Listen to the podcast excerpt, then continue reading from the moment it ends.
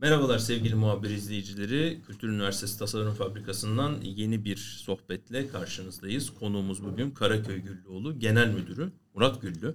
Onunla e, Karaköy ve İstanbul kültürüne dair konuşacağız bugün. Merhabalar Murat Bey. Merhabalar. Ee, baklava nedir sorusuyla başlamak istemiyorum tabii ki de yani şey e, kimseyi kanser etmemek için özellikle sizi. Ee, ama bir şekilde sonuçta sizden de bahsettiğimiz sürece bir baklavadan da genel bir şekilde bahsetmek gerekiyor. Ama ben bundan şöyle bahsetmek istiyorum. Ee, bir Antep baklavası yapıp satıyorsunuz. Fakat Karaköy Güllüoğlu denince benim aklıma hiç Antep gelmiyor. Hep İstanbul geliyor. Yani sembolünüz Galata Kulesi, e, tek şubeniz var İstanbul'da ve Türkiye'de. Ve Karaköy Güllüoğlu denince benim aklıma yani benim de çocukluğum bütün doğumam büyümem İstanbul'da geçtiği için hep İstanbul'la özdeşleşmiş bir sembol e, Güllüoğlu baklavası. E, siz kendinizi nasıl görüyorsunuz? Siz de yanlış bilmiyorsam doğma büyüme İstanbul'u birisiniz. Doğru. E, bir e, Antep baklavasının bu şekilde İstanbul'la özdeşleşmesiyle ilgili ne düşünüyorsunuz? Valla ilk defa bu kadar uzun süredir böyle duyduğum en güzel giriş ve soru oldu bence. E, çünkü bizim de çok uzun yıllardır hani işte bu işin içinde olunca çok belki fark etmiyorsunuz. İçinde yaşadığınız süreci ya da tanım yani siz tanımlamıyorsunuz. Başkası sizin adınıza tanımlıyor gibi oluyor. Biz de bu süreci yaşarken şunu fark ettik yani artık hani bu son birkaç yıl önce bir kimlik dönüşüm, marka kimlik dönüşümü süreci geçirdik. Orada yenilemesi, e, orada hatta işte Galata Kulesi'nden şu anki kullandığımız o yeşil renkler ve köprü, Galata Köprüsü'ndeki o köprü temasını yani e, böyle bir soyutsal bir kavram üzerinden gidildi. Yani yenilik, gelenek üzerinden köprü, işte Karaköy'ün bir köprü oluşu İstanbul'a, İstanbul'un dünyaya falan bunun üzerinden gidildi. Orada gidilirken şunu fark ettik. Evet aslında biz hani kökenimiz Gaziantep.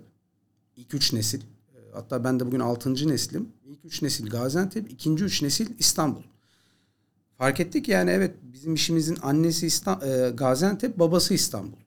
Yani bu süreç içerisinde bu şekilde gelişmiş doğru bizim yaptığımız baklava tipi yani dünyada aslında çok bilinmese de farklı farklı baklava yapış tipleri var. Baklava yapış biçimleri var. Türkiye içerisinde de yine bölgesel olarak var. Her yemekte olduğu gibi bu arada. Herkes işte keşkeyi farklı bir şekilde yapar yöresinde. Bunun gibi baklavanın da farklı yapış biçimleri var ve biz bunlar içerisinde Gaziantep stilini yaparaktan İstanbul'a gelen bir firmayız ama belki de dedemin işte bilinçli ya da bilinçsiz o dönem aldığı karar. Yani ben tek bir lokasyonda bulunacağım. İşte burada işimi sürdüreceğim demesi ve Karaköy'den dışarıda çıkmaması ve semtin o dönem e, geçmişteki bir yaşadığı dönüşüm var. Hala da yaşıyor. İşte ticaret merkezi olan bir yer. Çok eski Osmanlı döneminde finans merkezi bile olmuş. Sonra ticari merkez. Şimdi geldiğimiz noktada artık bir turizm merkezi haline geldi. Turizm eğlence merkezi. O süreç dönüşürken aslında hep orada durmuş. Öyle olunca evet biz İstanbul'da kent yaşamının bir parçasıdır bu dünyanın her yerinde. Gittiğiniz semtlerin ünlü olduğu, bazen şehirler bazı şeylerde ünlüdür ama altına girdiğiniz zaman metropollerde bazen bazı semtler de bazı şeylerle ünlü olur. Biz nasıl gidip Vefa'ya boza içiyorsak, işte Kanlıca'da yoğurt yiyorsak, işte Eminönü'ne gittiğimizde orada bir e, kuru kahveciden kahve alıyorsak bunun gibi bir şeye dönüşmüş oldu bu Karaköy ve baklava ile semt eşleşmiş oldu. E böyle olunca yani İstanbul'dan evet bizim çok güçlü bir bağımız oluşmuş aslında. Yani ailenin kökü baklavacılık yapışı 1840'lara kadar gitmesine rağmen 1940'dan itibaren 49'dan itibaren de İstanbul'da bu devam etmiş ve İstanbul'da çok bütünleşmiş oldu. Ve evet ben de bugün baktığımız zaman şunu görüyorum yani biz bu kente aitiz. Yani tabii ki işte bütün bu coğrafyalar bizim ama e, bizim kimliğimizi var eden burada yaşatan İstanbul. E, dolayısıyla e, ben de bugün baktığım zaman bir yani kendimi o, anlamda bir İstanbul markası olarak görüyorum. Biraz genelde özele geçersek İstanbul'dan biraz Karaköy'e geçelim. Karaköy'de küçük bir taşınma yaptınız malum. Otopark artık yok. Sizin de herhalde yani hayatınızda çok çok önemli bir yer taşıyan bir dükkanda orası. Şöyle girelim Karaköy'e bütün hayatınızın geçtiği bir semt. Yani bayağı bir değişimini bizzat içinde yaşadınız. içinde ticaret yaparak yaşadınız. Çocukluğunuz geçti. O dükkandan kimdir, kimler kimler geçti. Hiç tanımayan birine, ya Karaköy'ün kendi değişimini de tabii bambaşka bir konuşma konusu. Ee, Karaköy'ü hiç tanımayan birine nasıl anlatırsınız? Yani Karaköy'e daha önce hiç gelmemiş. Belki bir arkadaşınız, uzaktan bir akrabanız ya da bir ilk kez tanıştığınız yurt dışında biri. Bu sıra çok sık Japonya'dasınız. Yani Karaköy'ü nasıl anlatırsınız? Onları nasıl tanımlayabilirsiniz? Valla işin kolayına kaçarak ilk başta ben Old Town diyorum. Şehrin yani hani böyle Avrupa'daki bazı şeylerin işte bir eski orta çağdan hatta bazen kalma kısımları falan oluyor. İşte şehir onun etrafına gelişiyor falan. Karaköy'ün de tabii yani İstanbul gelişimi çok farklı. Tarihsel, e, kentsel dönüşüm ama e, Karaköy biraz öyle bir yer. Yani Karaköy e, ta Fatih döneminden beri işte Karay Türklerinin yerleştirilmesiyle oraya. Hatta ismi yanlış anlaşılır yani Karaköy işte Kara kelimesinden geliyor zannedilir ama hal, halbuki o Karay Türklerinin oraya yerleştirilmesinden e, Kırım'dan gelenlerin yerleştirilmesinden kurulmuş bir yer. Yani o dönemden beri de e, aslında böyle işte şehrin bir parçası içinde olmuş bir yer. Tophane, Karaköy. Bugün bunlar böyle iç içe geçmiş ama geçmişte böyle daha ayrı semt olarak algılanıyor. Ee, yani tarif ederken şunu söylüyorum ben genelde Karaköy'ü. Ee, yani İstanbul'da çok klasik bir sözdür işte hani üç dini bir arada yaşarsın, bir sürü tarih katmanları üst üstedir.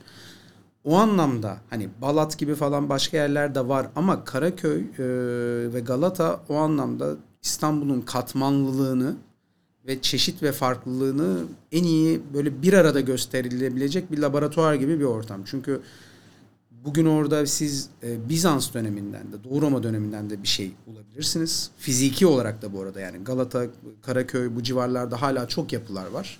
E, o dönemden kalmış. Çoğu insanlar bunu bazen hatta işte Osmanlı yapısı falan zannediyor. Abi ki mimari olarak baktığınız zaman hatta İtalyanlar geldiğinde şunu dediğini görüyorum. Bakıyor aa bu bayağı klasik bir Ceneviz yapısı. Cenevo'da da aynı bu şekilde var işte mimari.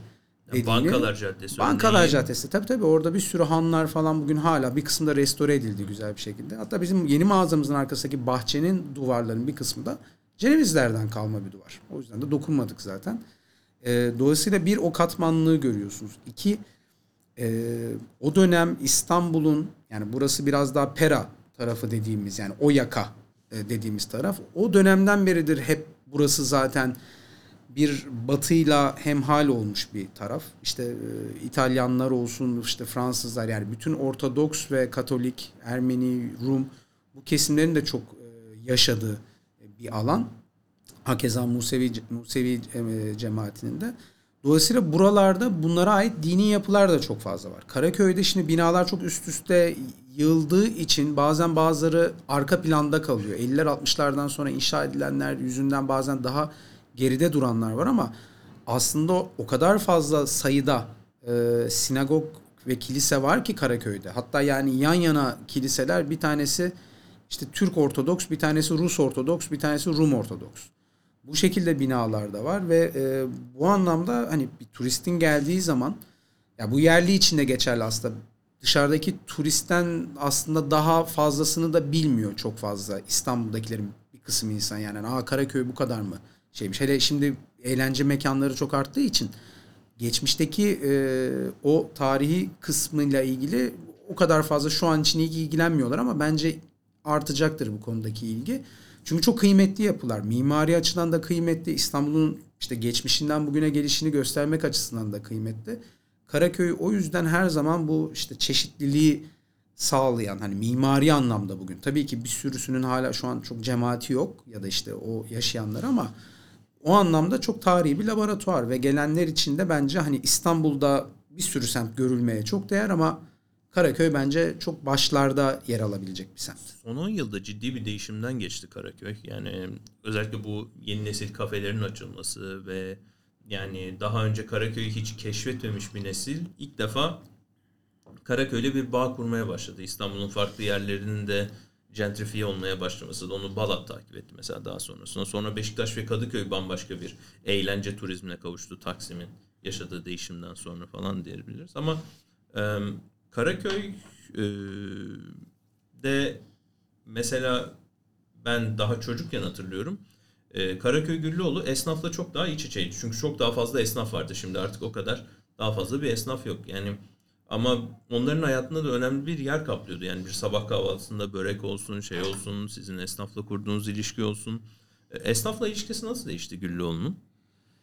Aa, bu da çok güzel bir soru. Çünkü ben de e, ucundan da olsa çocukluğum bu tarif ettiğiniz şekilde geçti. Yani babam ve dedem tabii ki anlattığı şeyler çok daha fazlasıydı e, geçmişte yaşananlar. Yani 49'da kurulan bir yer. İşte o 50'ler, 60'lar, 70'ler ticaretin merkezi olan bir yer. Hatta bugün bir sürü bildiğimiz büyük holdinglerin ya da şirketlerin temelleri Karaköy'de atılmıştır. O Necati Bey Caddesi'nde işte arka tarafta Karaköy'ün o caddelerinde hepsinin genel merkezleri, genel müdürlükleri ya da ilk ufak ofisleri oralarda kurulmuştur. Eski Çünkü ticaret... Perşembe Pazarı. Tabii tabii aynen aynen eski Perşembe Pazarı da öyle. Şimdi o dönemler yani öyle bir e, yapının olduğu bir yerde şunu görürsünüz işte. Günle beraber başlar mesai saatlerinde. Mesai saatleriyle de biter oradaki ticaret. Dolayısıyla biz sabah saatlerinde işte arkada San Benoît Lisesi, sabahın erken saatlerinde öğrencileri ağırlayan bir mekan. İşte sabah börek yemeye falan.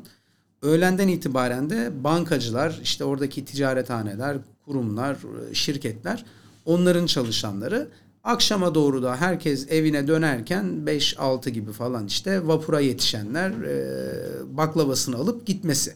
Şimdi dükkan düzeni çok uzun süre böyle gitti. Ve bu işte semtte bizim en böyle bağları kurmaya başladığımız işte o sağlam temeller atılmaya başladığı dönem. Bu uzun süre böyle gitti ve çok turist alan bir yer değildi geçmiş. Yani bu hatta 2000'lere kadar neredeyse. Yani 2010 hatta öyle söyleyeyim. Yani 2005'ten sonra bu dönüşüm başlamaya başladı. E, o zamana kadar gerçekten hani Karaköy'de sırf bizim değil. Bugün işte Karaköy lokantası içinde aynı şeye geçerliydi. Hala da onu korur işte o öğlen menüsünü. Çünkü öğlen gelen ayrı bir grup vardı oraya.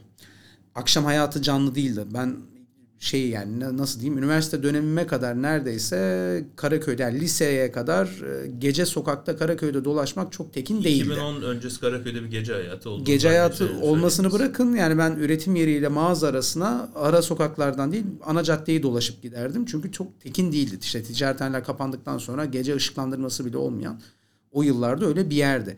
Sonradan işte 2008'lerdeydi hatta ben yine bir öğrencilik döneminde işte yurt dışına gidip gelmiştim. Abi baktım Karaköy'de kafe var. Hatta yani en yakın kafe gidebileceğiniz o dönem Cihangir'e gitmeniz lazımdı. Kahve içilecek mekandan bahsediyorum. Çok büyük bir beklenti dedi yani. Kahve içilip çay içilecek işte çay ocağı olmayan e, düzgün bir kafe yoktu. E bunu ilk gördükten sonra abi baktım hızlı bir değişim başlıyor. Orada mekanlar açılmaya başlanıyor. Hala işte o sokağın karışık hali var. Sonra bu tabii gitgide aşıldı.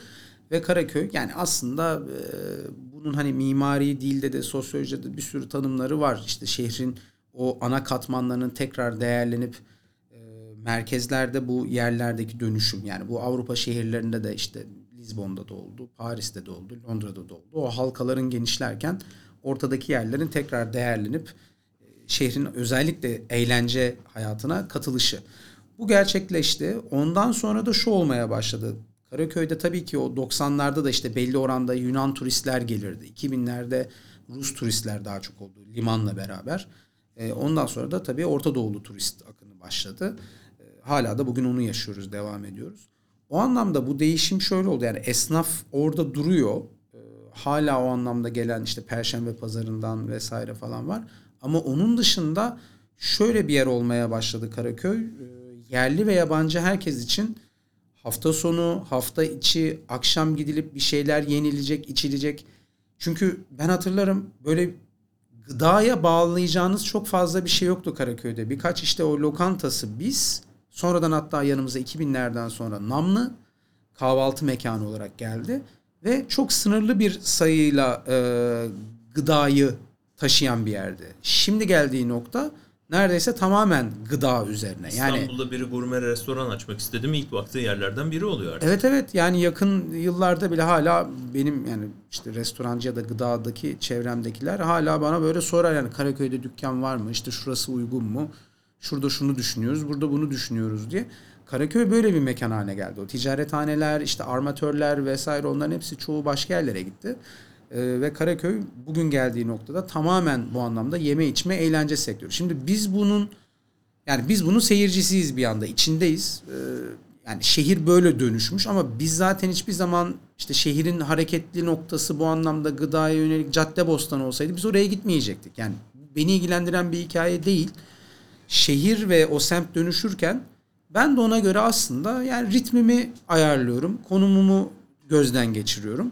Ama çoğunlukla da işte ne yapıyorsak onu yapmaya devam ediyoruz. Çünkü benim yani derdim işte trendy bir mekan işte oraya gidelim burada olalım aa orası öyleymiş değil. Ya dedemden atamdan devam eden bir gelenek var. İşte yerimizde duraraktan burada baklava yapmaya devam ediyoruz. Tamam bunu yapmaya devam edelim. Semt yarın öbür gün bambaşka bir şeye de savrulabilir. Ama zaten geçmişte de ben bir şekilde insanları o semte o ürün için getirmeyi başarıyorsam bugün evet daha da insanlar demeden de geliyorsa yarın öbür gün öyle olursa yine öyle yapmaya devam ederim.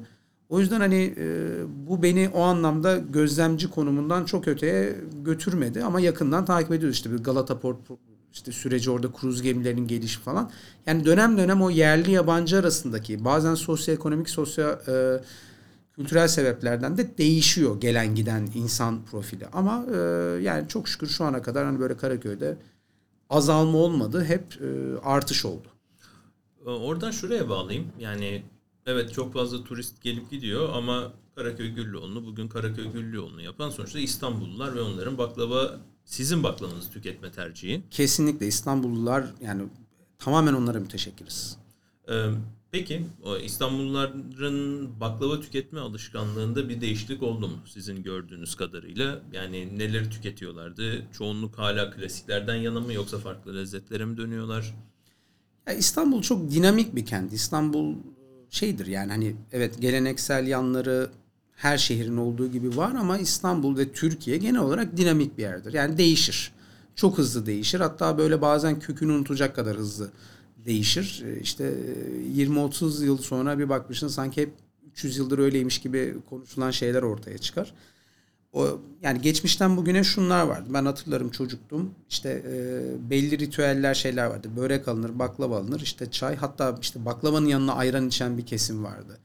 Gelen müşteriler arasında hakikaten rutinlerini iyi takip edebildiğiniz o zamanki sayılar o kadardı ve yani takip edebiliyordunuz. E, bunlar vardı. Şimdi değişen şeyler neler? Evet bugün artık fıstık furyası. İşte son 50 yıldır zaten fıstıklı. Yani ben çocukken de fıstıklı daha fazla satılırdı. Ama aralarındaki oran işte 5'e 3, 5'e 4 falan gibiydi. Şimdi neredeyse böyle %80'e 20 gibi rakamlara falan geldi. Özellikle fıstık anlamında çok büyük bir e, fıstıklı ürün anlamında bir artış oldu tüketimlerde. E, bunun dışında da bu yine yani biz bu furyanın içine çok fazla girmiyoruz ama ürün çeşitliliğinde ve tarzlarında ürünlerin iç içe geçmeye başladığı şeyler olmaya başladı. Özellikle katmerde, künefede, kadayıfta, baklava onların hepsinin birbirinin böyle yerine geçmeye başladı. Fıstık oranının arta, artma şartıyla bunu yapmaya başladılar. Tüketicide buna yönelik bir işte şu an bir savrulma var ama e, yani bu bizi o anlamda çok ilgilendirmiyor. İşte biz yine yapmaya devam ettiğimizi yapıyoruz. Çünkü hani ben bir şey yapacaksam genelde bir sebep yani bir, şeye oturması gerekiyor. Yani biz işte niye bir ürün çıkartıyoruz? Bir şeye değmesi lazım. İnsanlar daha çok fıstıklı istiyor onu verelim meselesi değil. İnsanlar yani şeker hastaları baklava yiyemiyor. Benim için çok önemli bir konu diyelim. İşte 20-25 sene önce bizde çözülmüş bir konu da diyabetik baklava. Yani şeker hastaları da baklava yiyebilsin. Çünkü yiyemeyen bir kitleyi kazandırmış oluyorsunuz böylece. İşte çölyak hastası yiyemiyor, çölyak baklavası yapılsın vegan beslenmeyi tercih ediyor. Bu da tercihsel bir şey. O zaman vegan baklava yapalım. Yani bu tip bir çözüm, bu tip bir şey bana daha iyi geliyor. Öyle söyleyeyim. Ama tabii ki dediğim gibi yani pazarda çok farklı akımlar var. Müşteriler de genel olarak şu olmaya başladı. Evet bugün hani işte tüketim toplumu diyoruz. Bunda bir sürü adları var. Daha fazla daha farklı çeşitler insanlar arıyor. Çünkü daha fazlasına ulaşabiliyor. İşte sosyal medya aracılığıyla etrafından duyarak, görerek. Ben işte çocukken yani karışık tabak diye çok fazla bir şey olmazdı. Gelirdin bir porsiyon bir şeyini söylerdin. Belki bir dilim iki dilim yanına farklı bir şey alırdın ama bu yoktu. Şimdi artık her çeşitten deneme Hepsinden. hepsi evet. Yani ben ondan da yiyeceğim, bundan da bakacağım. Evet. Bu daha fazla olmaya başladı özellikle. Yani bir de örneğin havuç diliminde olduğu gibi artık fıstığın çok daha iri kıyım çekildiği baklavalar ortaya çıktı. Yani ve bunun bir ben tercih veya damak tadı zevki değil. İnsanlar onu görüp onu istediği için alıyorlarmış gibi geliyor. Çünkü yani günün sonunda tüketilen fıstık miktarında, miktarında evet farklılık oluyor ama bir baklava tüketiyorsanız sonuçta onun yapıldığı ve alışıldığı bir tat ve dokusu var. Benim e, İstanbul'da e, sizin markanızdan başka yediğim baklavalarda en çok dikkat ettiğim şey aşağı yukarı yani fıstıklı baklava da sonuçta konulan baklavanın e, şey fıstık miktarı aşağı yukarı aynı. Yani şu parmağın dörtte biri kalınlığında bir fıstık kanıyor.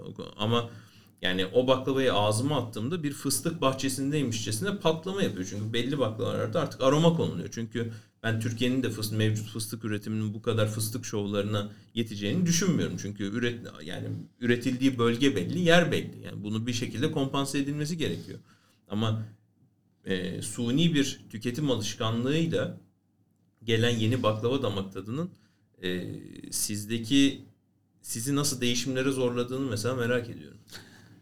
Ya bu da çok tartışılan bir konu konuşulur. Yani o işin hile boyutunu bilemem. İşte dediğiniz gibi öyle de yapan vardır ama yani varsayalım merkez bunu işte fıstığı artırıyor. Ben olaya şöyle bakarak bir pencere açmak belki istiyorum. Yani baklava bana göre benim yapış tarzıma göre bir denge tatlısı. Yani dengeden kastım ne? Bunun içinde hamur var, şeker var, yağ var, işte iç malzeme dediğimiz fıstık, ceviz ya da ne olacaksa o var. Şimdi bunlar arasında işte tatlılık bir denge olması lazım. Biri birini çok bastırmaya başladığı andan itibaren aslında o denge bozulduğunda baklavanın sihri bence ortadan kaybolmaya başlıyor. İşte o zaman o başka tatlılara doğru geçişler ya da işte tamamen fıstık yani bugün bu fıstıktan yana art böyle bir baskınlık e, sağladı. E tabii ki fıstık görseli güzel olan bir şey, rengi nedeniyle yani insanları anlıyorum tadı, kokusu, görseli çekiyor ama bu denge böyle bozulduğu zaman o zaman da şu oluyor bana göre e, yediğiniz çeşitler arasında çok büyük farklar artık kalmıyor. Yani işte dürüm, dolama, işte şöbiyet, baklava bunları yediğinizde hepsinde fıstık oranı ciddi oranda arttırdığınız zaman aslında çeşitler arasında çok büyük bir fark yok. Aşağı yukarı Hepsinden fıstık ezmesine yakın bir şey almaya başlıyorsunuz. Bu da baklavanın ahengini aslında ortadan kaldırıyor. E bu yüzden de yani e, evet işte fıstığı iri çektiğin hafif işte çok incelttin falan vesaire. Bazen bunlar da biraz tercih meselesidir ama bu e, yani bana göre çok uzun da sürecek bir şey değil. Bugün bu şekilde gidiyor pazar. Yarın e, bambaşka bir yere de spin atabilir. Yani o noktada bana göre hani çok yani bir üreticinin bu kadar hızlı savrulmaması lazım. Orada yani bizim üretici olarak biraz da görevimiz şu. Biraz öne gidip bir 5-10 yıl sonraya gidebiliyorsak vizyonumuz ölçüsünde neler olabileceğini biraz öngörüp tahmin edip biraz ona göre şekillendirmeye çalışmak. Tabii ki şeyi söylemiyorum bunu. Yukarıdan bir ahkam keserekten değil. Sonuçta bir ürün satıyorsunuz. Bunu insanlara satacaksınız. Yani bu e, böyledir ve böyle yiyeceksiniz tavrıyla olacak bir şey değil. Neticede yoksa oturur kendi kendinize yersiniz. Yani insanların ihtiyaçlarını da iyi anlamanız lazım. Ama ihtiyacının ne olduğunu çözüp ona belki farklı bir şey sunabilecek bir ihtimaliniz olur. Ben buna yönelik çalışılması gerekiyorum. Yoksa işte daha mı fazla fıstık istiyorlar? Ama o yüzde otuz yaptıysa ben yüzde otuz beş yapacağım. Öbür yüzde kırk. Yani bunun sonu yok. Bir yere de gitmez bu mevzu. Yani demek istediğim bu. Şöyle devam edelim istiyorum Murat Bey. Ee, İstanbul'un özellikle sosyal medyada aşırı popüler olan bir sokak lezzetleri kavramları var. Ee, kendi içinde ün kazanlar. Bütün e, Türk e, restorancıların da belki etkisiyle dünyada işte yaptıkları bilimum yemek şovlarıyla e, Türk yemekleri veya Türk yemeği olarak satılan ürünler çok popüler oldu bir şekilde dünyada konuşuluyor. Eminim size de soruyorlardır. Ben kendim Karaköy Güllüoğlu'nda defalarca sizde katmer var mı, künefe var mı sorularına maruz kaldım. Çünkü insanlar artık bunları görüyor, bunları istiyor. Yani herhalde burada fıstıklı o yapılıyorsa bu da yapılıyor diye bir varsayım var diye doğru, tahmin doğru. ediyorum.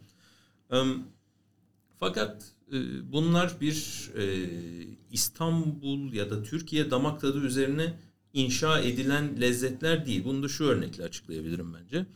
E, Türkiye'de bir lokma tüketim vardı.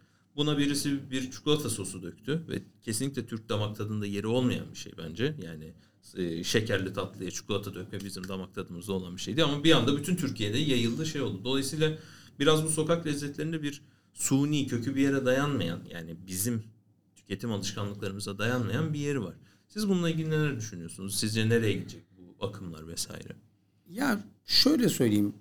Şimdi bir kere evet Karaköy'de şunu söyleyebiliriz. Ee, Karaköy geçmişten bugüne sokak lezzetleriyle bilinen bir yer değil. Bu hatta böyle hep söylediğim şey değil. Yani Karaköy'de bir mekan artık 3 e, seneyi devirmişse ben bu mekana eski diyebilirim. Ee, standartını getiriyoruz artık. Yani Karaköy bu son işte turizm yani kentsel dönüşümde turizm eğlencenin öne çıkmasıyla birlikte çok hızlı mekanlaşma ve o mekanların hızlıca el değiştirmesi, değişmesi, o yeni trendlerin sürekli girip çıkması böyle bir yer oldu. Şimdi 1949'a dönsek baklava da Karaköy'e çok yeni bir şey. Yani Karaköy'de yapmayan yok muydu Karaköy'de işte yani Karaköy'de değil de İstanbul'da işte baklava hiç mi yoktu? Var bir yerlerde ama böyle Karaköy'de bir baklavacı geliyor açıyor. Aslında herkes nasıl işte bir elektrikçi açıyorsa işte bir o adam oraya bir yazıhane açıyorsa onun gibi açılan bir şey. Ve Karaköy'ü dönüştüreceğiz iddiasıyla falan açılmış bir yerde bir dükkan açıyor ve insanlar yavaş yavaş yavaş yavaş yıllar içerisinde işte teveccüh gösteriyor. Böyle artıyor. Şimdi böyle baksak aslında Karaköy'ün de geçmişinde o dönem baklava var mıydı? Yoktu 1949'a kadar böyle bir anılması falan. Tarihsel bir dönemde bir şey oluyor. Şimdi bugün olan da baktığınız zaman işte bugün ne var mesela son iki yıldır balık dürüm. Karaköy'de yani bu çok çok eskiye gitmeye gerek yok işte. iki yıl öncesine kadar balık dürüm olan bir şey değil. Hiçbir derdim yok. Çok da güzel bir şey. İnsanlara ve sokakta balık dürüm satılıyor. Bu belki 20 sene sürecek. Belki 6 ay sürecek. Bitecek bilmiyoruz. Ama e, hoşuma gitmeyen sadece şey. Biri bir şekilde bunu yapıyor ve arkasından şunu gördüm en son artık. Böyle çocukluğumdan beri olan bir büfe, mütevazi bir büfe tamamen konseptini, adını değiştirip meşhur bilmem ne balık dürümcüsü adıyla değişti. Çünkü niye orada şu an balık dürüm işte yapılıyor. Yani lokmada olan şey işte. Lokma e, furyası başladıysa şimdi balık dürüm e, furyası başladı. Bu anlamda yani sokak lezzetleri dediğimiz şey Karaköy'de böyle çok kökü olan bir şey değil ama bu turizm e, eğlencenin bir semtteki dönüşümünün bir tezahürü. Çünkü Karaköy'de aynı anda bir yerlerde de fine dining restoranlar aynı trendle, aynı nosyonlarla artmaya başladı. İşte burada da mekanlar işte ona göre işte teras restoranlar, mekanlar, gece kulüpleri. Biz bunu 2012'lerde de bir kısmen bir tur yaşamıştık gece kulüpleri falan. O dönemde de İstanbul'da böyle bir işte Reyna bir taranmıştı. İşte e, terör saldırısı, sonra bombalar falan filan böyle bir Karaköy tekrar bir düştü. E, o dönem eğlence mekanları falan. Şimdi tekrar mesela bunu tekrar görebiliyoruz. Otel sayısının artması, gece kulüpleri, lüks restoranlar, kokteyl barlar, şu an o sokak yemeklerindeki olan o trend bir yandan da o taraftan dönüyor.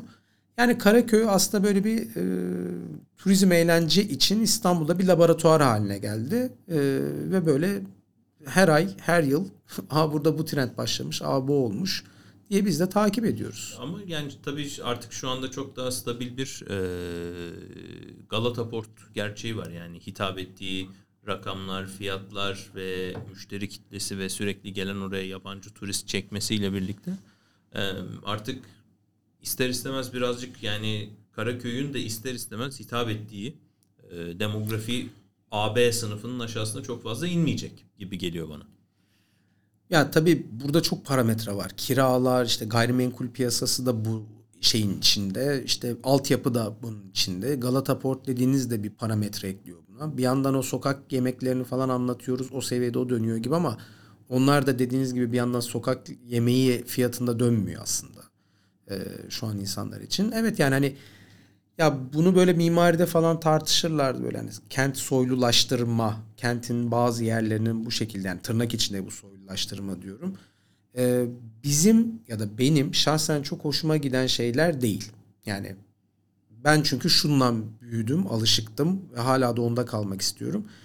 Dükkanımın içerisinde her kesim, her insanı görmek istiyorum. Çünkü çocukluğumdan beri ben bunu görürüm. Yani o dükkana bir bürokrat da gelir, işte bir memur da gelir, bir ünlü sanatçı da gelir, bir işte sporcu da gelir, normal bir şirket çalışanı gelir, patronu gelir. Yani herkes bir şekilde kadın, erkek, yaş, milliyet, işte e, arka plan gözetmeden herkesin bir şekilde buluştuğu yani bir boza içmek de biraz böyledir ya yani fiyatına bakılmaksızın herkes gider zaten çok da pahalı bir şey değildir gider herkes o bozacıda oturur bozasını içer ve aslında şehir yaşamının ve bir ülke olmanın da temeli böyle şeylerdir. Yani ortak tüketimler, ortak paydaşlar bulabilme, bazı mekanlarda birleşebilme. Tabii ki her tüketime her yerde aynı şekilde yapmıyoruz aynı gruplarla ama bu bize güzel bir yer verebiliyor. Yani çünkü çok işte büyük bir şirketin CEO'su da gelip taburede oturup kendi aldığı bir baklava yiyor. Yanında işte memur bir aile de onu ve bu bir paylaşım sağlıyor. Yani baklavayı bir şekilde en demokratik böyle yiyoruz. Şimdi bunun yani bu demin konuştuğumuz şeyler maalesef bizim müdahale olabileceğimiz işte değiştirebileceğimiz şeyler değil. Çok makro seviyelerde dönüyor. Ülkenin sosyoekonomik durumu yani genel ülkenin ekonomik durumu, insanların işte alım güçleri, tüketim alışkanlıkları yani bunlar maalesef dışında gelişiyor ve evet bu olumlu yöne doğru bana göre değişmiyor. Hala bir şekilde bunu korumaya çalışsanız da işte artık bir yerde deniz bitiyor. Ee, o yüzden hani evet Karaköy böyle oluyor. Ben de çok sağlıklı bulmuyorum. Ama e, yani oturup e, yani bundan ne istersek söyleyelim üzerine durum e, tanımı da yapalım ama Durum yani, değişmiyor. yani maalesef olacağına bir şekilde varıyor ama çok da hani enseyi karartmayalım. Çünkü yani hayat bir şekilde hep dönüşüyor ve bu dönüşümlerin nereye gideceğini o dönüşümü üzerinde etkisi olanlar da bazen zaten hesap edemiyor. Bir anda çok ters yöne de bunlar bir 5 10 15 sene içerisinde falan Evet, dönebilir. Çünkü dediğim gibi yani biz de işte hatta dükkanımızın taşıma süreci tam da böyle bir süreç üzerine geldi. 46 sene içinde bulunduğumuz dükkan. Tamam bize de yetmiyordu. Altyapısı eskiydi. Bir sürü sorunlar yaşıyorduk ama o kentsel dönüşüm kararı üzerine aslında o otopark yıkıldı. Yani o bütün işte Galata Port projesi, Karaköy'ün o dönüşümü vesaire falan o karar dahilinde kentin artık bu tarafını öyle değil böyle kullanmaya başlayacağız ve altyapısını da buna göre düzenleyeceğiz. İşte artık otopark orada değil bu tarafta birikecek. İşte meydan tarafı orası değil burası olacak gibi makro kararlar. Evet bunu zaten hani demiyorum ki yani bize göre alsalardı bu kararı. Değil ya hayat böyle değil işte. Biz de ona göre tekrar başka bir şekil aldık. Ama yani bu dedemden beri böyle gelen bir şey. Aslında çoğu insan bilmez bizim bu şu anki bulunduğumuz yer 5. yerimiz. Hepsi Karaköy'de. Ama dedemin Halil Poşta sokakta başlamış hemen arka sokağına Havyaran'a geçmiş ikinci yer. Sonra Kat Otoparkı'na geçmişler üçüncü. Sonra üretim yerini Tophane'ye taşımışız dördüncü. Bugün geldiğimiz dükkan otopark yıkılınca beşinci. Yani biz bir şekilde bu kent yaşamında bu değişimlere bir şekilde ayak uydurduk. Benim tek sınırım dediğim gibi o Karaköy'ün içerisinde bulunmak. Yani bu benim artık duruşum haline geldi. Dolayısıyla hani semtin sahibi değilim tabii ki ama e işte e, Marka o- adınız yani her şeyden önce. Ya marka adı, marka aynen adını oradan aldı. Biraz da ayrışmak için de bunu ailenin geri kalanından falan yaptık ama artık yani semt de zaten alınır hale geldi. Bana göre böyle bir alamet farikanız varsa çok da oynamamanız, bozmamanız gerekir. Karaköy'desiniz, Karaköy'desiniz. Bitti gitti yani. hani Bayrampaşa'da Karaköy Güllüoğlu olmaz. Ee, ama Japonya'da oluyor. Şimdi oraya evet, güzel bir yerden yakaladım. Ee, yani şey dükkana biraz Karaköy'e girmeden önce şöyle bir parantez yapalım. Yani e, ciddi bir e, fenomen oldu sanıyorum baklava Japonya'da. Yani sizin yani Matsuya Ginza'da zaten var olmak bir marka için özellikle bir Türk markası için çok ciddi bir gurur. Tebrikler bu açıdan dolayı. Ee, nasıl gidiyor Japonya serüveni? Sanıyorum Osaka'da da yakın dönemde gelecekte bir fuarda var olacaksınız. Tokyo'dan sonra Osaka'ya da açıldınız. Ee, uzak doğu serüveni nasıl gidiyor? Ya o çok ilginç bir süreç oldu aslında. Hatta bu şeyi de baştan söyleyeyim. Nadir Gülü markası yurt dışına tamamen gidiyoruz. Çünkü çok farklı bir modelle orada ilerliyoruz. İşte Karaköy'de, İstanbul'da bu durum böyle bu şekilde kalacak. E, yurt dışı hikayesi biraz daha farklı yazılacak e, duruyor ama bir yandan da Karaköy Güllüoğlu değerleriyle yazılacak. Osaka'da bu arada sabit bir yer değil. Hani açtığımız yer e, daha doğrusu o etkinlik bir pop-up etkinlik. Bir haftalık bir özel bir Türk haftasında bizden e, hem baklavayı orada göstermemiz yani canlı olarak gösterilmesi ve orada satışının yapılması ve bir yandan da omakase bir tarzda yani insanlara baklavayı set olarak tadımını yaptırmak üzerine bir haftalık özel bir etkinlik olacak. Japonya şöyle çok ilginç bir şey oldu. Ee, herkes şimdi ilk böyle duyunca a Japonlar tatlı sevmez ki Japonlar tatlı yemez. Tarihsel olarak evet böyle bir gerçeklik vardı yani doğu toplumları geçmiş yüzyıllarda çok tatlı yiyen toplumlar değildi. Ama bu bugün tabii artık geçerli bir şey değil. Ve şöyle bir şey var. Sadece Japonların kendilerine ait çok fazla tatlıları yok. Kırmızı fasulyeyle genelde ezip yaptıkları birkaç çeşit var. Onlar da çok tatlı değil. Biz burada yedirdikleri zaman. Hoş gelmedi şey olarak. Yok tabii canım Türkiye'de getirip de onu e, ki- Türkiye'de kimseye onu çok yedirebileceğinizi ben de zannetmiyorum. Ama Japonlar ne yapmış mesela? Fransızlar çok uzun yıllardır bir sürü Fransız tatlısını orada satıyor ve çikolata başta olmak üzere işte makaronlar, o diğer Alman kekleri falan bir sürü batılı tatlı satılıyor ve çok ciddi miktarlarda da tatlı tüketiyorlar bu, bu insanlar. Bu arada yani çoğu insan yine belki bilmez. 120 milyon nüfusu var Japonya'nın. 26 milyon Tokyo. Dolayısıyla ve yüksek bir gelir seviyesine ve refah seviyesine sahip bir toplum. Oradan böyle bir teklif geldiğinde ben de ilk başta ya acaba falan filan derken yani konum, konumlandırma, nasıl yapılacağı falan anlatıldığında evet daha mantıklı dedik. Ve pandemi dönemiydi. Baklava ilk orada satışa çıktığında kapıda ciddi bir kuyrukla böyle karşılaşıldı. Japonların merakı cezbetti. Benim sonradan yani kendimce yaptığım bir değerlendirmede şunu tahmin ediyorum. Biraz Japonları, kültürünü tanımaya başladıktan sonra yani yıllar içerisinde zaten bir şekilde hemaldik ama daha ciddi baktığımızda şunu gördüm. Bir, öncelikle eski bir markaya kesinlikle çok fazla önem veriyorlar. Yani bir markanın eski oluşu onlarda bir güven unsuru oluşturuyor. Yani bu herkes için dünyada söylenir. Hani ya eski markaysa tabii daha güven verir diye ama zannediyorum bir tık daha fazla Japonlar, önem veriyorlar Japonlar kesinlikle. buna ve karşılığını gösteriyorlar. Sadece değeri uzaktan vermiyor. Gidip alaraktan. Bunu aile e, şirketi olmasının da onlar için ekstra bir değeri. Aynen aile şirketi eski bir şirket ve sadece bir işle uğraşıyor. Baklava yapıyor. Şimdi Japonya'ya gittiğinizde bunu daha fazla anlayabiliyorsunuz. Çünkü gerçekten işte böyle bir sushi ustası yıllarını sadece sushi'ye vermiş. Adam sadece sushi yapıyor. Başka hiçbir iş yapmıyor. İlk 10 yıl sadece pilavın şeyiyle falan uğraşıyor. Evet yani böyle. bu şekilde bir e, sebatla meslek öğrenme, zanaat buna sahip olma onlarda da var. Ve bu anlamda gördüğüm kadarıyla bunda çok büyük bir yakınlık hissettiler. Yani aa, bir marka var. Hem aile şirketi çok eski altı kuşaktır bu işi yapıyor ve sadece baklava yapıyor. Başka bir şey yapmıyor. Bu onlar için kıymetli bir şey. Bunu tabii ki tek başına yeterli olmuyor. Japonya belki benim yani batı toplumlarında olmayan kadar paket sunum, ambalajın bu kadar önde olduğu bir toplum görmedim. Yani israf boyutunda bir paketleme e, kültürüne sahipler. E, Türkiye'de bizim çok o kadar o derece alışık olmadığımız paket içi paketler, farklı katlama teknikleri vesaire falan sunumunuzun gerçekten çok iyi olması lazım ve bana asıl Japonya'da gurur veren şu oldu. Ee, maalesef hani bazı ülkelere gittiğimizde işte baklava Türk mü, Yunan mı, Lübnan mı, başka ülke mi? İşte Aa, şu baklavası, bu baklavası. Genelde de bir ülkenin işte vatandaşlar oraya ya da işte göçmenler oraya daha önce gittiyse genelde onlarla anılır hale gelmesi daha önce oluyor. Japonya'da şu gurur verici oldu. Şu an Japonlar baklavayı bir Türk tatlısı olarak biliyor.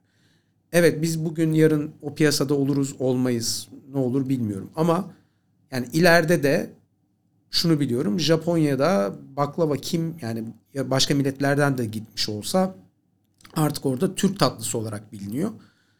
Ciddi bir şekilde, ilginç bir şekilde çok ciddi sayıda televizyona çıktı. Bir 15 taneden fazladır. Bir buçuk yıl içerisinde 15 kereden fazla televizyona çıktı. Bir yine bir 15-20 sayısında da dergi, magazin buralarda yer aldı. 2023 yeni trendi vesaire falan tartışmaları böyle baklava için. Çünkü bir yandan yani onlar için bu da batıdan gelen bir şey ee, ama farklı bir yapıda gelen bir şey. Yani çünkü onların işte o diğer e, Avrupa tatlılarına benzemeyen bir yapıda bir şey. Böyle bir tatlı ama işte çok katmanlı falan. Yani şöyle söyleyeyim benim kendim değer verdiğim mesleğimle ilgili ya da işte o aşık olduğum ne varsa onlar da aynı değerlendirmeyi yaptılar. Bu çok hoşuma gidiyor. Ve o yüzden de onlara o baklavanın işte daha fazla in, e, derinliğini, kültürünü göstermek, anlatmak benim çok hoşuma gidiyor. O yüzden de e, yani ticari boyutun ötesinde biraz benim oraya gidişlerim, gelişlerim artık gelişmeye başladı. Ee, işte bir yandan öğreniyorum dilde ee, ve ben kendime dair şunu görüyorum yani oradaki farklı bir dünyada, farklı bir coğrafyada kendi mesleğimi geliştirebileceğim çok farklı alanlar var aslında. Bu o mesleğe bakışı da içeren, işte paket sunum, ambalajı da içeren, anlatımı da içeren çok fazla şey Japonlardan ben öğrenebileceğimi düşünüyorum. Evet dünyada başka yerlerde başka şeyler de dönüyordur. Oralardan da kıymetli öğrenilir ama benim hikayemde böyle bir tesadüfi şeylerle de gelişti. Ee, o anlamda yani Japonya'nın yeri her zaman ayrı olacak ben. O ada toplumlarının özellikle yani Japonya gibi hele dışarıya bayağı kapalı kalmış bir toplumda yani böyle dışarıdan bir markanın böyle bir yer edinmesi bence çok güzel bir şey yani özellikle bizim açımızdan da gurur verici. Sizi de herhalde yakın bir zamanda Japonya'da Japonca artık röportaj verirken göreceğiz diye umuyorum. Son olarak şeye dönebiliriz. Ee, Karaköy'deki ilk defa bir bahçesi var artık Karaköy Güllüoğlu'nun. E, yani 10 yıl önce ben o arka sokaktaki kapının önünden geçerken orada çöpler toplanırdı. Şu anda yani çok popüler bir alan. Önünde insanlar saatlerce fotoğraf çektiriyor, video çekiyor. Bir içeri giriyoruz ve sağlı sollu oturma alanlarında artık baklava, börek, minimum e, Karaköy Güllüoğlu lezzetlerini yiyebildiğimiz bir yer oldu. E, bahçe değişimi sizin için nasıl oldu? İlk defa sanıyorum bir yani evet eski otoparkın orada kaldırımın yanında da yer vardı ama kendi bahçeniz var artık. Bu nasıl bir değişim oldu? Ya şöyle biz de tabii yaşayarak öğreniyoruz bir sürü şeyi. Bir yandan o kadar hengamenin içindeyiz ki işte otopark yıkılacaktı. Burayı yetiştirmeye çalışıyorduk. Ucu ucuna geçebildik zaten falan. Hani böyle üzerine oturup şöyle geriden bakıp çok geniş geniş değerlendirmemizi bile belki yapmaya vaktimiz olmadı. Hala da hatta yani yılı dolacak neredeyse. Biz Ekim ayında geçmiştik oraya. Hala da tam anlamıyla her şey bitmiş değil. Bu tip işler zaten genelde de böyle olur. Kısım kısım gider. Sonuçta 250... Bir nevi Sagrada Familia usulü. Kervan yolda düzülüyor. Ee, şöyle 250 metrekareden 1700 metrekare bir alana geçmiş olduk toplam. İşte bir 300 metrekare bahçe içinde. O bahçe bizim için evet aile tarihinde belki de ilk defa biz bir bahçeye sahip olduk. Ve bu e, yani bir yandan keyifli bir yandan tabii zorluklarıyla beraber geliyor. Üç ayrı operasyon dönüyor. Aşağı kat, üst kat ve bahçe. Ve tabii bunun bir takım e, işte böyle koordinasyon zorlukları falan da var. E, bir yandan şu çok hoşuma gitti bahçe ile ilgili. Mekan bir pasaja dönüştü. Bir arka girişi, ön çıkışı bu şekilde. Hatta bazen görüyorum insanlar burayı böyle bir geçit olarak kullanıyorlar. Fransız sokağından sonra evet, evet. ikinci oldu Karaköy'de. Doğru ve ben bu anlamda hiçbir yani şu değil ya insanlar bir şey almadan geçiyor mu ediyor mu hiçbir derdim yok. Zaten istiyorum ki semtle bütünleşik olsun. Yani o mekan bir ticarethanenin ötesinde bir şey olsun. O geçitten yani evine geçerken, işine giderken benim dükkanımın içinden geçerek gitti. Yani ileride onu bile anlatması, oradan geçip giderdik işte işimize, evimize ya da yolumuza. Bu bile çok kıymetli bir şey çünkü Karaköy Güloğlu bir anlamda o semtte bütünleşik olması kamusal yani yarı kamusal bir alana dönüşüyor. İçeride yaptığımız işte e, birkaç yine tasarım sanat çalışması falan da var. Bunlarla da yani o insanlar oradan geçerken oturup bir baklavasını yerken büyük bir tantanadan bahsetmiyorum. Oturacaklar iki lokma baklavasını yiyip nereye gidecekse gidecek. Böyle bir mekan neticede. Ben oturup mekanı böyle bir anıtsal bir hale geçirmek değil. Ama orada otururken bir kafasını kaldırıp baktığı yerin biraz daha düzgün, güzel olması, estetik olması bu şeyde belki de en çok ihtiyacımız olan şeylerden biri. Bahçede otururken bahçenin böyle çatısını yapalım, şunu yapalım değil. Bahçe neyse o işte zaten tarihi kalıntıları var. Onlara dokunmadan insanlar Karaköy çünkü çok sıkışık bir yer ve çok yeşil alanın nefes alınacak yerin olduğu bir yer değil. O yüzden bir vaha gibi arkada insanlar baklavasını yerken de hoş bir bahçe. Yine büyütecek bir şey yok. Oturuyoruz. Masamız var, taburemiz var. iki lokma baklavamızı yiyeceğiz. Hoş bir işte rüzgar esecek. Oradaki güzel bir duvara bakacağız. Orada bir çalışma var. Onu izleyeceğiz. Ondan sonra gideceğiz.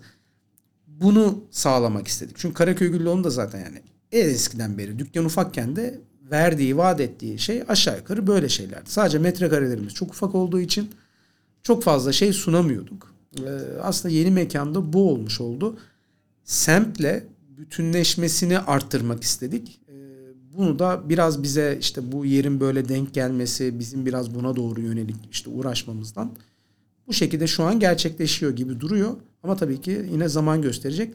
Arka sokaktan o geçerken insanların dediğiniz eskiden harabe olan yere bakıp "A ne güzel bir bahçe olmuş burası."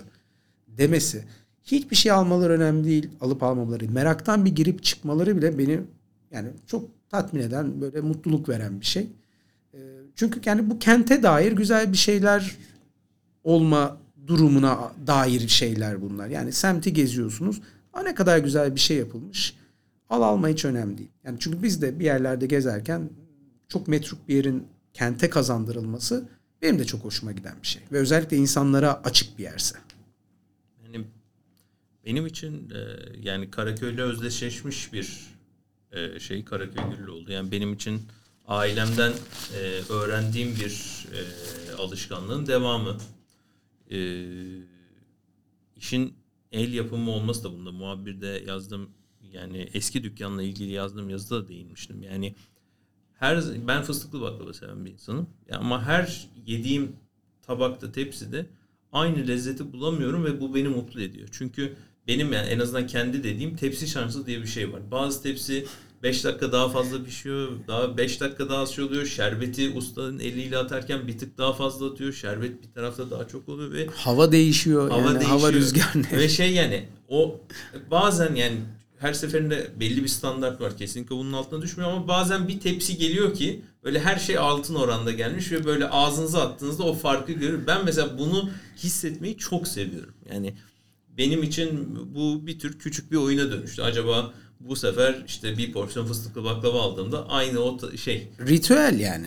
Şehir yaşamı budur ki biraz da. Yani Gidersiniz bir ben- bankta oturursunuz. Bir yerde bir tatlınızı yersiniz. Bu lokantada işte oturur çorbanızı içersiniz.